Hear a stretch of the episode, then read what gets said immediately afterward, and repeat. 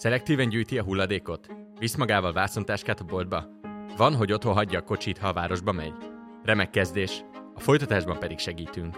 Újraindítottuk a hvg.hu fenntarthatósági podcastját, a Zékasztot. Műsorunkban annak járunk utána, hogyan érinti a mindennapi életünket a klímaváltozás, miért fontos az élő természet megóvása, és hogyan tehetjük élhetőbbé, jövőbiztosabbá környezetünket egyszerűen a mindennapok részeként.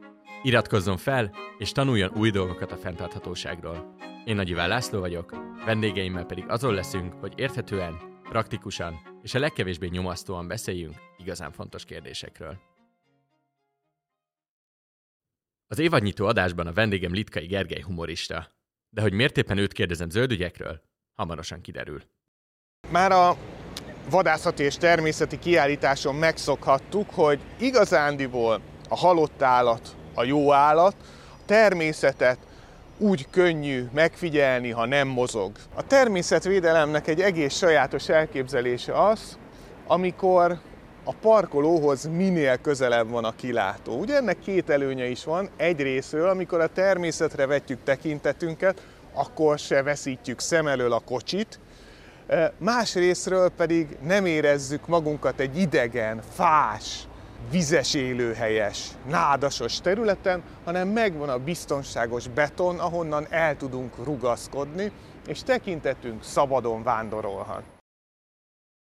Nagyon megmaradt az a videód, amit még a Greenpeace-el közösen a HVG-n csináltatok, amire fertőtavi beruházásokat gyakorlatilag veszed végig, és figurázott ki azokon a plakátokon, amiket kiraktak a beruházók Sopronban.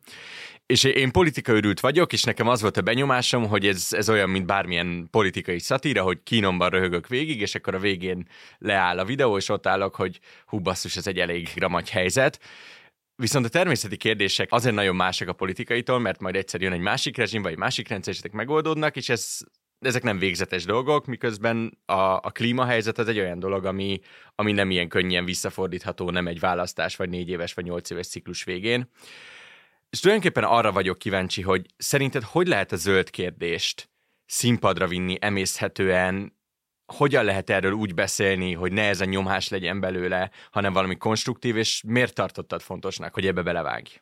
A zöld kérdéseknél szerintem, és köszöntöm a hallgatókat, nem tudom, hogy itt e, e, szokás a fenntarthatóság jegyében az emberi kapcsolatokat is megpróbálom ápolni, e, de mindenféleképpen ketté választani azért azt, hogy mi egy zöld kérdés, vagy természetvédelmi kérdés. Ez nyilván egy nagyon koncentrált probléma a fertőtónak a kérdés, és most nem tudom, hogy a podcast előtt vagy után, de valamikor mostanában jön ki majd az a videó, amit most készítettünk, hogy a beruházás, pontosabban itt a környezetnek a letarolása hogyan áll mindenféle gyakorlati haszon nélkül, és E, ezt nagyon nehéz egyébként pozitív hangnemben, vagy valamiféle jó ötletekkel segítve megoldani, mert itt nyilván csak az a megoldás, hogy az ember megpróbálja felhívni a figyelmet, tiltakozni, valamire nemet mondani, de itt is azért a helyi civilek abban sokkal kompromisszumkészebbek voltak, mint a kormányzat, vagy akik ezt a beruházást végrehajtották, hogy nekik volt alternatív javaslatuk, amit Sopron város fejlesztési terve is tartalmazott korábban, hogy egy abszolút emberléptékű strandot, ahova ki lehet járni, egy kis kikötőt esetleg, ahhoz kapcsolódó vendéglátóipari egységeket, amitől ez, ez, ez működni tud. Tehát nem arról van szó, hogy itt semmi ne legyen, és az amúgy is egy eléggé rendezetlen terület volt ennek a 50 hektáros résznek, nem a cölöpházakat érintő területe, de ez a kompromisszum nem született meg a mai napig. Most van egy teljesen üres terület, amiben nem lehet kimenni gyakorlatilag a tóhoz, mert még mindig, mint építési terület körbe van kerítve. Ez az egyik. A másik, hogy a a klímaváltozásról mondjuk hogyan lehet beszélni. Szerintem a klímaváltozás, ez, hogy erről beszélünk, ez, ez jó is, meg rossz is, mert azt próbálom én is, nem tudom, hogy ez jó szó, népszerűsíteni, vagy legalábbis így megosztani ezt a tudást, hogy a klímaváltozás az ilyen bolygót érintő válságok közül az ötödik helyen van. Tehát azt megelőzi négy másik válság, amit meg kell oldanunk ahhoz, hogy egyáltalán a klímaváltozás megoldásának legyen értelme tehát itt szó van akár a, a biodiverzitásról, akár az új anyagoknak a problémájáról, tehát a mikroműanyagoktól kezdve a vegyszerekig, amiket alkalmazunk, vagy a nitrogén-foszfor ciklus, vagy a talajnak a, az eróziója és a mezőgazdasági termelésnek az ellehetetlenülése, tehát ezek mind jelentősebb válságok, amiknek nincsen olyan jó sajtója, mint a klímaváltozásnak, amire pro és kontra nagyon sok energiát fordított mindenki, hogy, hogy bekerüljön a köztudatba. A másik nyilván, hogy ha már a, mégis a klímaváltozásról beszélünk, akkor hogyan beszéljünk róla, és miért fontos ez nekem? Hát egyrészt azért, mert talán ez az a válság, amire nagyon sok másik válságot fel lehet fűzni. Tehát ami, hogyha ennek a válságnak hozzáfogunk a megoldásához, ezzel nagyon sok másik válságot is meg tudunk oldani, akár a, a fajoknak, a sokszínűségének a védelmét, hiszen hogyha mondjuk az erdőket nem kivágjuk, hanem hagyjuk őket élni, akkor azzal a biodiverzitást is növeljük. Személyesen pedig azért, mert én jogilag egy nagyon érdekes konstrukciónak gondolom azt, hogy most egyrészt olyan környezetben hozunk jogszabályokat, ahol a jövőben élőknek nincsen jogke- jogképessége, tehát ők nem tudnak tiltakozni, az ő érdekeiket nagyon ritkán veszük figyelembe. Másrészt a most velünk együtt élő fajoknak, akár növényeknek, akár állatoknak nincsen egy kvázi jogképessége. Nyilván van egy természetvédelmi törvény, megbüntetünk valakit, hogyha letép egy virágot, de mégis nem az a szemlélet tükröződik vissza jogrendszerünkben, vagy akár a társadalmi normáinkban is, hogy a természetet és annak alkotóit felettünk állónak, vagy egyenrangú létezőnek tekintsük. És ezért gondoltam, hogy ez, ez egy érdekes téma lesz, amivel foglalkozzam, és én sokat járok a természetbe, és látom, hogy ez, ez amit talán egy városban nem veszünk észre, hogy milyen hatása van, csak nyáron sóhajtozunk, hogy milyen meleg van. Ez a természetben sokkal durvább következményekkel jár. És jó is említed, jól tudom, igaz, hogy, hogy jogot végeztél. Igen. Arra lennék kíváncsi, hogy, hogy valaki, aki jogot végzett, utána a szórakoztatóiparban dolgozik, emberekkel interaktál, hogyan talál meg magának egy ilyen témát? Te hogyan ástad bele magad ebbe, és miért döntöttél úgy, hogy, hogy ez fontos annyira, hogy előre hozd? Én nem szoktam nagyon nagy döntéseket hozni, én belesodródom a dolgokba, és érdekelt nagyon ez a téma, ez világéletemben érdekelt a természet, annak a működése, az ökológia, a rendszereknek az összefüggése, meg általában foglalkoztatott, hogy nagy rendszereken hogy lehet változtatni, nagy dolgokat hogy lehet bevezetni, elfogadtatni az emberekkel, mitől változnak az emberek, mitől nem. És ez egy jó terület volt ahhoz, hogy az ember az érdeklődési körét tágítsa, és, és ne unatkozzon így, nem tudom én, 30 felett. E, és másrészt pedig az nagyon fontos volt nekem, hogy olyan dolgokról beszéljek, amiket én is csinálok. Tehát amik egyrészt vagy elolvasom, utána nézek, vagy pedig napi szinten gyakorlatilag próbálom művelni.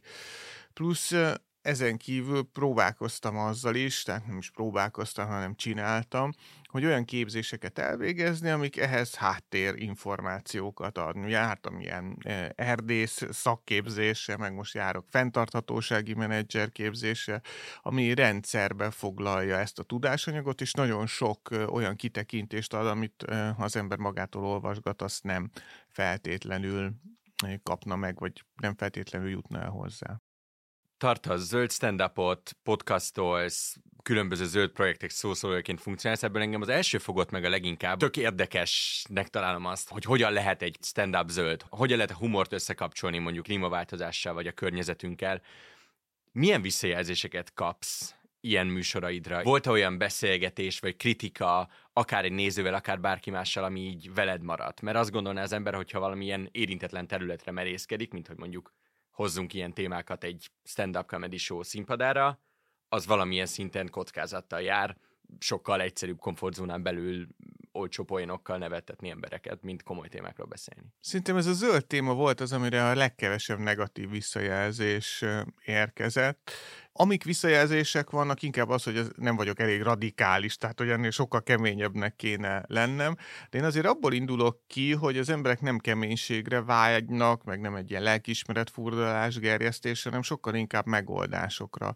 Tehát Magyarország nagyon sok mutatószámban, így, így klíma problémák ügyében, mondjuk, vagy környezeti problémák ügyében egy ilyen középmezőnyben van világszinten, viszont abban, hogy ezen változtatni akarnak az emberek, és úgy gondolják, hogy cselekedni kell, és tenni kell valamit, ebben nagyon magas az elköteleződésük. Tehát magasabb, mint mondjuk Csehországé, vagy magasabb, mint Ausz- Ausztriáé. Nyilván ebben az is benne van, hogy az osztrákok már úgy gondolják, hogy ők nagyon sokat tettek ebben az ügyben, de nálunk mondjuk 93 százalék, azt hiszem a, a felmérések szerint, aki szerint cselekvőnek kéne eh, lenni ezekben a eh, problémákban.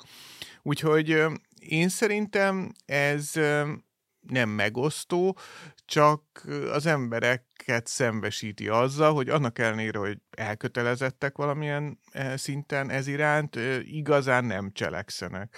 És ez volt, ez a humor forrása a legtöbbször azért, hogy hát ilyen szempontból nagyon nagyon álszentek vagyunk, vagy, vagy kétszínűek, vagy nem tudom, minek lehet ezt nevezni, hogy hát igen, én szelektíven gyűjtöm a hulladékot, és nagyon sokszor nem vagyunk tisztában vele, vagy nem akarunk tisztában lenni vele, hogy mik azok a nagyobb lépések, amiket tényleg jelentősebbet tudnánk a saját szféránkban változtatni. Ez nagyon érdekes, hogy az elején mondtad, hogy a klímaváltozás az csak az ötödik ebben a krízis vagy probléma rangsorban, és akkor azon elkezdtem pörgetni fejembe, hát akkor mi lehet az első négy? Hát gondolom a háború, a gazdasági válság, a járványok és hasonlók, és akkor utána kifejtetted, hogy nem, ez egy sokszorosan összetett, környezettel összefüggő probléma, és más környezettel összefüggő problémák ezt bőven megelőzik. Mit gondolsz, minek kell változnia mondjuk egy ország vagy egy, vagy egy társadalom kultúrájában ahhoz, hogy a hosszú távú kríziseket is annyira akutnak érezzünk, mint az, hogy mennyi van a pénztárcánkban, vagy mennyiért tankoltuk meg az autónkat. Szerintem nagyon fontos ezt egyéni eh, élethelyzetekre lefordítani, és főleg a cselekvési javaslatokat egyéni élethelyzetekre lefordítani. Tehát eh, ez, ez egymilliószor elhangzott már, hogy kis lépésekben kell gondolkodni a változtatásoknál, és azokat következetesen valamilyen cél érdekében megtenni, és ezt a célt minél átélhetőbbé tenni, minél képszerűbbé tenni, hogy tudjuk, hogy miért cselekszünk, és mit, mit akarunk elérni, és milyen lesz az, amikor azt elérjük, hogy beszéljünk olyan értékekről például, amiket elveszítünk. Tehát az, azt nem gondolunk bele, hogy mennyi mindenről mondunk le a jövőben, cserébe ezért a mostani nem feltétlenül előnyös dolgokért. De hogy minek kell változnia, hát mindennek egyszerre. És valószínűleg így is zajlanak le ezek a folyamatok, mert mindig van, ami húzza ezeket a változásokat, van, amikor a szabályozási környezet, van, amikor a tudomány, ugye most mondjuk, hogyha végignézzük azt, hogy mi történt a az ózon pajzsot károsító gázok esetében, ugye ott azért a tudomány elég hamar felismerte, hogy ez egy jelentős problémát jelent. Utána erre reagált a nemzetközi közösség, elfogadtak egy egyezményt, és ezzel lezajlott az a változás, ugye a Montreali Egyezmény után, aminek köszönhetően most már jóval kevesebb ilyen ózonpajzsot károsító gázt használunk föl, szinte sem ennyit. Na most, hogy egy ilyen, a klímaváltozás esetében, vagy az összes többi ilyen esetben mi lesz ennek a hajtóereje? Hát mindenféleképpen szerintem az oktatás, tehát azokban az országokban erősek ezek a mozgalmak, és ott van ennek valós hatása is, ahol ezt az oktatási rendszerben is fontosnak gondolták. Mert az oktatási rendszer mindig olyan kicsit veszélytelennek tűnik, mert majd 20 év múlva felnőnek, akkor majd foglalkoznak ezekkel a e, kérdésekkel a szavazópolgárok. De ezek a szavazópolgárok, akiknek az életében már elkezdett ez a fajta nevelés és oktatás, már elkezdtek felnőni. Tehát ez a generáció, ez már eléggé elkötelezett ezen e, ügyek iránt. Ez Magyarországon is azért az oktatásnak, ha nem is őszinte és nagyon szerves része, de azért sokszor találkozhatnak vele a diákok, hogy itt, itt, itt baj van. Tehát szerintem mint mindennek itt is az oktatástól kell elindulnia. A szocializációban pedig az a legfontosabb, hogy minél több olyan csoport, közösség legyen, akik ezeket az értékeket vallják, mert az emberek azt szeretik, hogy ezekhez a normákhoz igazodjanak, amit a velük szimpatizálók is vallanak. Tehát ez, ezért próbálom mindig ez, bátorítani erre az embereket, hogy hozzanak létre egy csoportot, aminek van tök mindegy, hogy milyen ilyen célja, mert az előbb-utóbb a többi célra is ki fog terjedni. Tök mindegy, hogy fát ültetnek, vagy szemetet gyűjtenek, de ez, ez egy nagyon nagy könnyebbség akkor, hogyha az ember változtatni akar. És nyilván e, a politika szintjén, hogyha csak Magyarországot nézzük, nyilván az EU-s szabályozás lesz, ami húzni fogja ezt a dolgot, és nem a magyar. Tehát e, mi ebből a szempontból sose leszünk szerintem egy ilyen élharcos, e, hogy na, mi akarunk a legzöldebbek lenni, és mi akarjuk ezt a legszigorúbban szabályozni, vagy a legdurvább vállalásokat tenni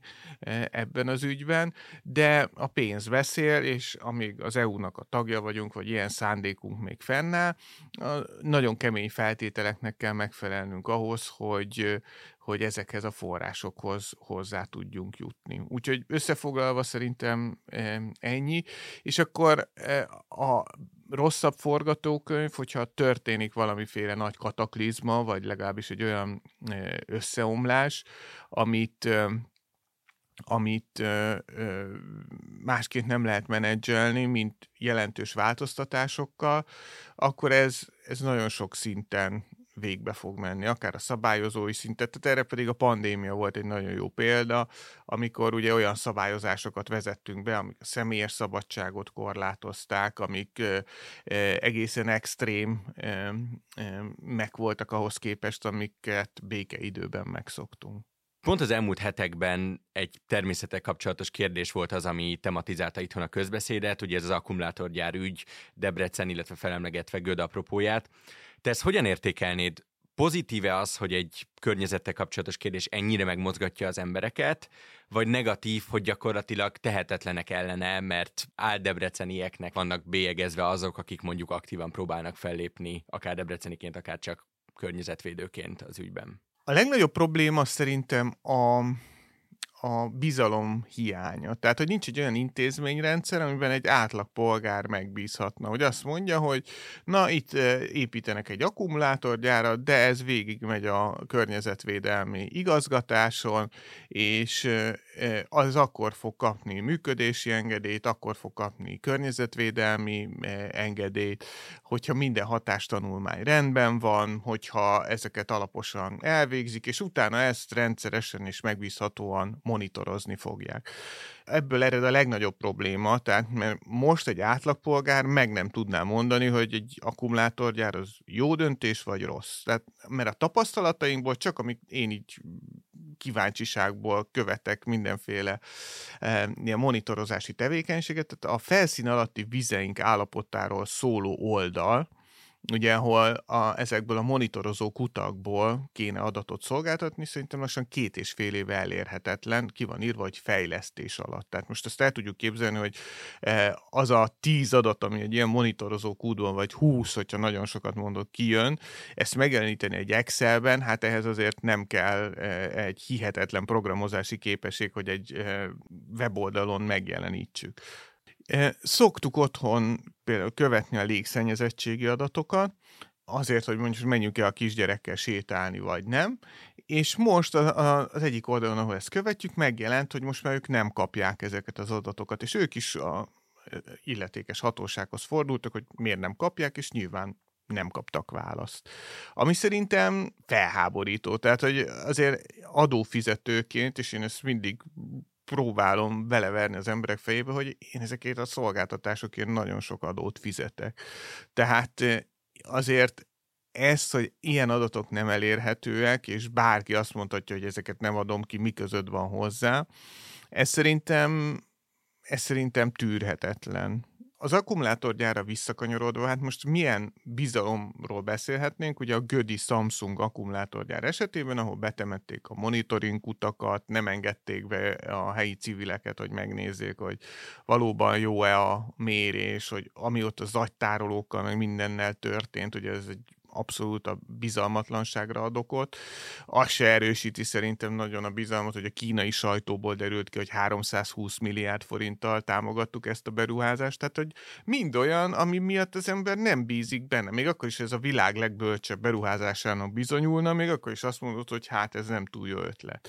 És ráadásul ezek olyan technológiák, amik azért hát nem egy fafaragó műhely, hanem itt azért vegyi anyagokkal dolgoznak, óriási a vízfelhasználás, óriási az energiafelhasználás, és ugyanez a helyzet szerintem Paks 2-vel is, tehát, hogy, és, és ez a szomorú, hogy nincsen transzparencia, nem lehet hozzáférni az adatokhoz, folyamatosan olyan információkat kap bárki, vagy nem kap olyan információkat, bár nem valósak, féligasságok, úgy gondolják, hogy ilyen sorskérdésekről is a propaganda és a ilyen hírharson a szintjén kell kommunikálni. Tehát én az, ezért gondolom, hogy ez az alapvető probléma ezzel, és innen tovább lehet lépni a következő szintre, hogy most működésileg ez hogy megy, és nyilván most ez, ez a legjobb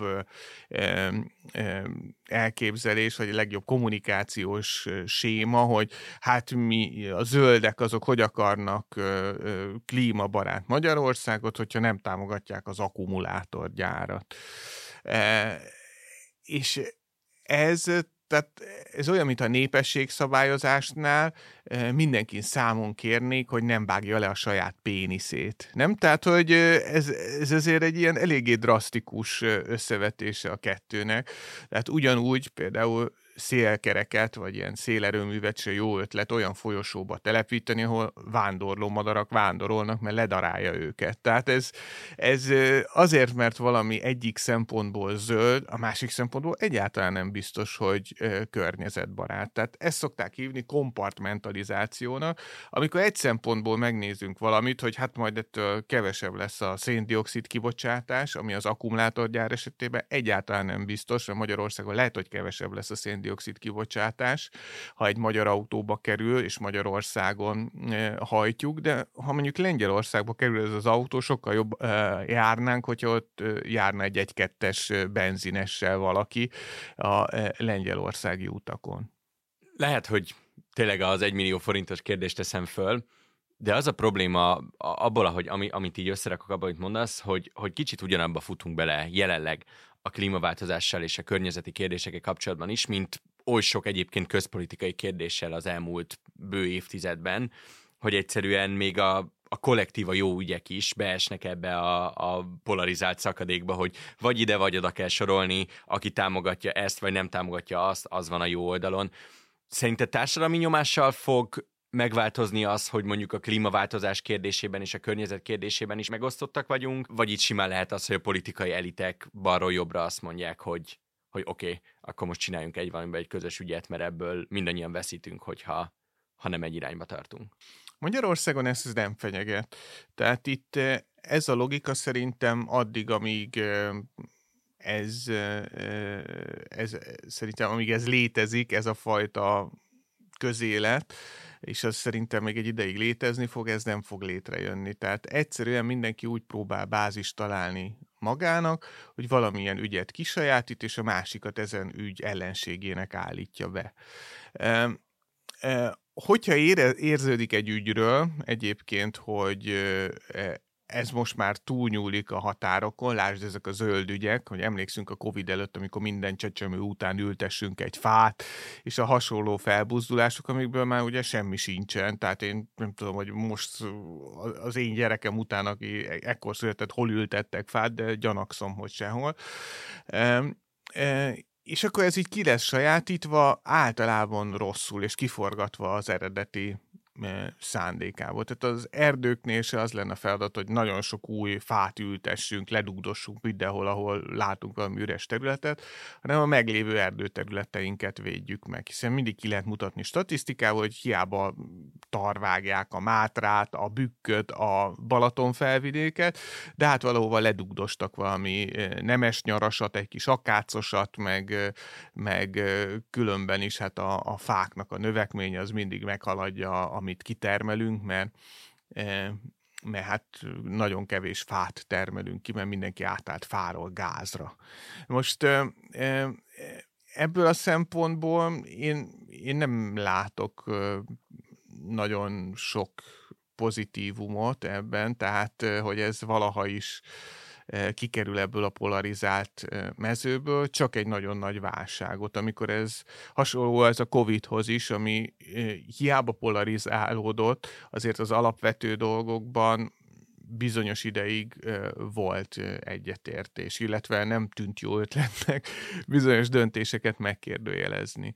Csak az a nagy kérdés, hogy aki hozza ezeket a döntéseket egy ilyen válsághelyzetben, az jó reakció lesz, vagy rossz? Mert ezek rendkívül összetett problémák szerintem, amikre nagyon nehéz egy a mostani logika szerint működő választ adni, tehát hogy erre az a válasz, és az így van ez, ez mind olyan válaszok fognak születni szerintem ezekre a kérdésekre, ahogy eddig is tapasztaltuk, hogy születik egy válasz, ez alapján látjuk, hogy hogy változik az alapprobléma, és utána új válaszokat kell, és újra módosítanunk kell ezeket a válaszainkat, mert ez egy folyamatosan változó rendszer.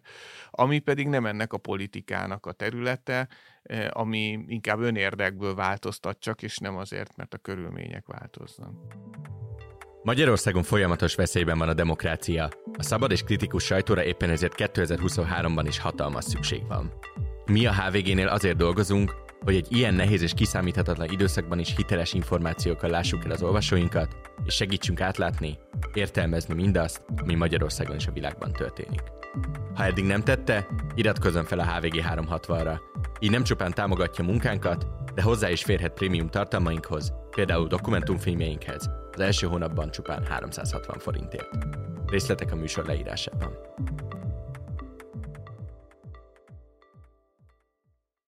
És jó is, hogy beszéltünk erről a faültetés dologról, mert ez egy remek pr dolog, tehát erre nagyon jó kampányokat lehet felépíteni. Mik azok a dolgok, aminek nem ilyen jó a PR-ja? Mi az, amire nem lenne nehezebb odafigyelni, mint elásni egy fát, és mégsem kap elegendő figyelmet? Rendkívül fontos lenne akár a vizes élőhelyeknek a rekonstrukciója, tehát az édesvízi fajoknak a gerincesek között a legnagyobb az egyetpusztulás, a populációk itt fogynak a legjobban, és ebben nagyon-nagyon fontos lenne, hogy ahogy kevesebb víz van, amiről minden, mindig szó esik, hogy vízmegtartás, de hogy ez a vízmegtartás segít a talajoknak, úgy segít a biodiverzitásnak, és nagyon sok szempontból segít a klímaváltozásnak is.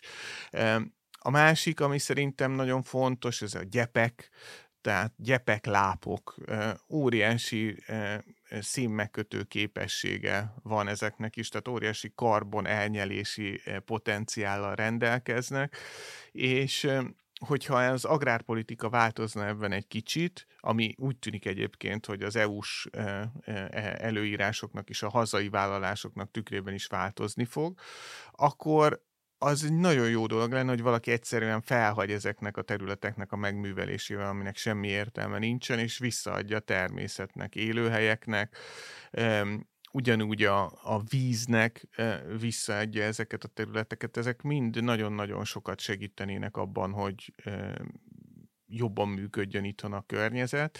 És e, e, a másik pedig az, hogy nagyon sok felmérés készült arról, hogy az emberek mind hajlandóak változtatni, és ilyen szempontból például a legnagyobb kihívás nálunk a mobilitás. Tehát a, talán a vega kajálás, meg a mobilitás az, amivel az emberek legkevésbé hajlandóak váltani. És a mobilitásnál ez abszolút a tömegközlekedés, a, ez a gyaloglás, biciklizésnek a e, előtérbe helyezése lenne, mert e, így a, e, a a kibocsátásban nagyon sok mindenben csökkentünk, tehát az energetikában is tudtunk csökkenni, tudtunk csökkenni, a, a, még az iparnak a kibocsátása is, csök, is csökkent, de a közlekedés az drasztikusan nőtt. Tehát egyrészt 2010-ben szerintem nagyjából 3 millió autó volt személygépkocsi forgalma, most van 3,9 millió. Akkor volt, nem tudom én, 11,4 év az átlag életkora, most már jóval 14 év felett. Tehát meg kéne oldani a vidéki mobilitást, hogy le lehessen mondani az autóról, hogy legyen alternatívája ennek. Ezt, ezt az, hogy villanyautóval járjon mindenki, ez szerintem ugyanúgy egy tévút ebben az átmeneti időszakban, amíg nincs meg a megfelelő technológia, hanem egy nagyon is környezetkárosító, rövid távú, nehezen újra hasznosítható akkumulátorokkal próbáljuk ezt megcsinálni. Sokkal többet segítene, ha mondjuk egy roncs prémiummal azt támogatnánk, hogy a 14 éves dízeles A6-osokat lecseréljék mondjuk új vagy egy-két éves kis motorú nem tudom én, Volkswagen pólókra. Tehát, hogy ez, amiknek sokkal kisebb a káros anyag kibocsátása. Tehát, hogy ez, ez, ez lehet, hogy sokkal észszerűbb lenne. Nyilván most van ez az elektromos buszflotta cseréje, de hát mondjuk ez is nehezen megmondható, hogy ez most hogy sül el, hogy ez jó lesz, vagy nem, eh, kiépül ehhez a megfelelő infrastruktúra, és az energiatermelésnek az összetétele most ugye a, a energiaválságban hogyan fog alakulni, amiben az a fura megint, hogy itt az energiastratégiánk az nem úgy alakul, hogy 20-30 éves távlatokban, hanem hétfőről kedre, kedről szerdára, és utána csütörtökről vég, visszamegyünk hétfőre. Ami ami szerintem nem ideális, hogy bármit, ami ehhez kapcsolódik, bármilyen alapossággal vagy jövőbe tekintéssel megtervezzünk. Ebben az egészben egy, egy gyakorlatilag egy ördögi kör, hogy én addig járok az autómmal, amíg, amíg nem lesz jobb a tömegközlekedés, mert hogyha olyan jó lenne, akkor átállnék, de a tömegközlekedés lehet addig fejleszteni, hogy mindenki inkább az autójával megy, és van egy csomó trend, ami ilyen értelemben visszafelé mutat, mert az energiaválság közepén benzinárstop volt, és nem az, hogy mint mondjuk Németországban, hogy 9 eurós bérlet, tessék közlekedj azzal, hogy ha akarsz spórolni, és nem azzal, hogy a nagy motorú autódba megveszed olcsón a 480-as benzin. Hogy ez a kultúraváltás, ami ehhez szükséges, hogy, hogy az egyik oldalon meginduljon, az, az mind múlik? Az azon múlik, hogy, hogy hozzád hasonlóan megszólalunk-e, vagy azon múlik, hogy, hogy ez pont a másik oldalról kell elinduljon, és az infrastruktúrának és a berendezkedésnek kell azt mondani, hogy mi akkor erre most befektetünk, akkor most itt meg ott fejlesztjük a, a mobilitást, az étkezési lehetőségeiteket, és cserébe nektek, társadalomnak kell lépnetek, hogy ez változzon. Én szerintem a, mondjuk az infrastruktúra fejlesztés, az pont egy olyan kérdés, ami hát már a várostervezésnél elvérzik. Tehát eh, ahhoz, hogy eh, nem mindig az infrastruktúrával menjünk az elhibázott városfejlesztési koncepciók eh, nyomában, ahhoz az lenne a feladat, hogy a városokban, ahol van hely, és lakhatnának emberek, ezeket élhetővé tegyük. Ne arra kényszerítsünk nagyon sok lakost, hogy elhagyja a várost, és infrastruktúra nélkül, ahol nincsen víz, megfelelő csatornázás, nincsen tömegközlekedés, nincsen kötött pályás megközelítési lehetőség, onnan naponta ingázzanak be autóval. Tehát egyszerűen ha én engem kérdeznének, én nagyon agglomeráció ellenes vagyok, én egyszerűen megtiltanám a bármiféle fejlesztést és plusz területek bevonását olyan területeken, ahol nincsen megfelelő kötött pályás közlekedés.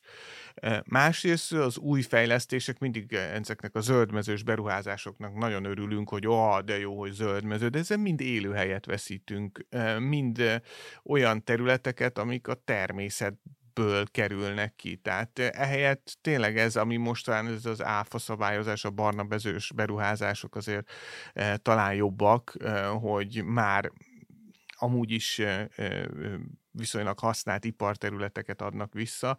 Ezzel is azért sokat lehetne módosítani azon, hogy a mobilitás egyáltalán hogy néz ki. Tehát még mindig olcsóbb, a, gyakrabban járatni a 99-es buszt, mint kötött pályás kapcsolatot kiépíteni, nem tudom, olyan elővárosokba, ahol ennek nincsen se hagyománya, se infrastruktúrája.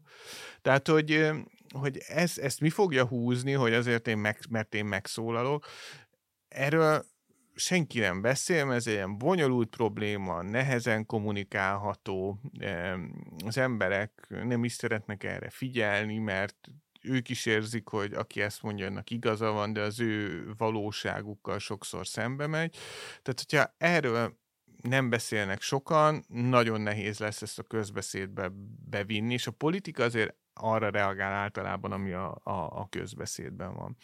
Nyilván a nagyobb volumenű beruházásoknál, ahogy már korábban is mondtam, azért az EU szerepe nagy lesz, hogyha e, ilyen vonalberuházásokat, mint az autópálya, hogy csak akkor támogatnának, hogyha mondjuk előtte már van ott egy egyenrangú vagy jobb vasúti kapcsolat. Tehát, hogy ne az legyen, hogy most már tényleg minden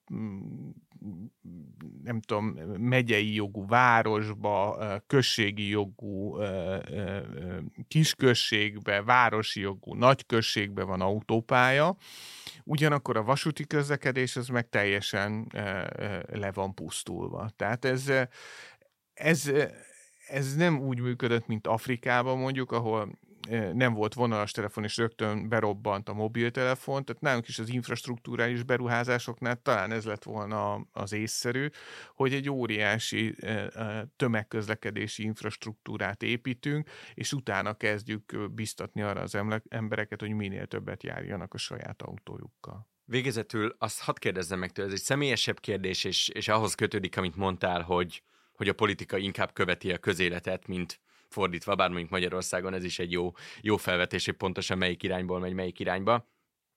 De te hogy gondolod azt, hogy 2023-ban vagyunk, amikor a klímaváltozás csak egy a gigantikus krízisek közül, de hogyha csak a közéletet nézzük, rengeteg olyan társadalmi folyamat van, rengeteg egyenlőtlenség és igazságtalanság van, ami, ami körbevesz bennünket, és van közte, közben egy egyre nagyobb nyilvánosság az internet segítségével, egyre több olyan emberrel, aki számottevő platformmal rendelkezik. Mit gondolsz arról, hogy 2023-ban bárki, aki ismert, szerinted megteheti-e azt, hogy nem használja valami jóra a platformját, valamilyen ügyre, hogyha neked az ügyed a környezet és a klímaváltozás és, és ezek a zöld ügyek, akkor téged nem érinte rosszul az, hogy mások, akik hasonló vagy akár nagyobb elérése rendelkeznek, alapvetően a saját haszonszerzésükre és hírnevükre használják ezt a platformot, anélkül, hogy visszaadnának valamit annak a közösségnek, ami őket felemelte. Nem szeretek mások felett ítélkezni, hogy most ők jól csinálják ezt, vagy rosszul. Én nagyon hiszek a, a, a példamutatás erejében, hogy minél többen beszélnek számukra fontos ügyekről őszintén, és úgy, hogy ebbe valamennyire beleássák magukat, akkor ez másoknál is úgy fog feltűnni, hogy ez egy követendő út. Ezeknél a zöld ügyeknél, vagy fenntarthatóság ügyeknél, vagy hívhatjuk őket bármit, szerintem az egy nagyon nehéz dolog, hogy ez, ezek bonyolult dolgok. Tehát, hogy ez nagyon veszélyes, még én is úgy érzem mm, néha magam, hogy ilyen veszélyes területekre tévedek, és nagyon vitatott kérdések vannak, pont emiatt, hogy ez egy folyamatosan változó és összetett rendszer, és ebből az ember most mit ragadjon ki, mit mondjon. Biztos a jó információforrásokat néztem, biztos jól adta ezt tovább. Tehát, hogy ez azért egy nagy felelősség is amellett, és nem érzem, és nem azért, mert azt gondolom, hogy mások kevés felelősséggel rendelkeznek, de ezt szerintem sokan átlátják, hogy át ez nekem túl sok.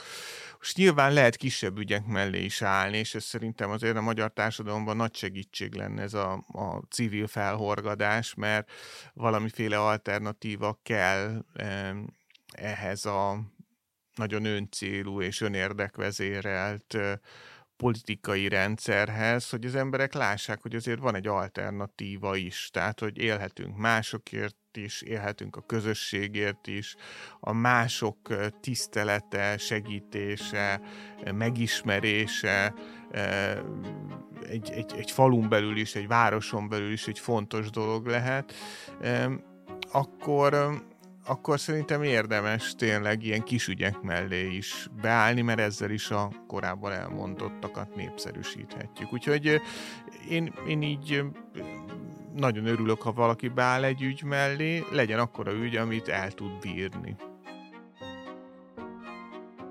Köszönöm szépen. Én is köszönöm.